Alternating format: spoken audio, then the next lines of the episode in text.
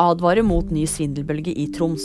Torsdag kveld advarer Troms politidistrikt mot svindlere som misbruker politiets telefonnummer.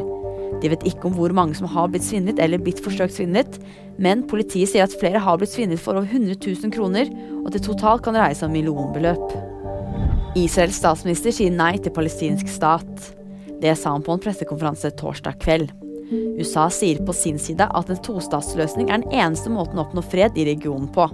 Over 24 000 har blitt drept siden krigen i Gaza begynte 7.10. Ber Vestlandet forberede seg på snøkaos.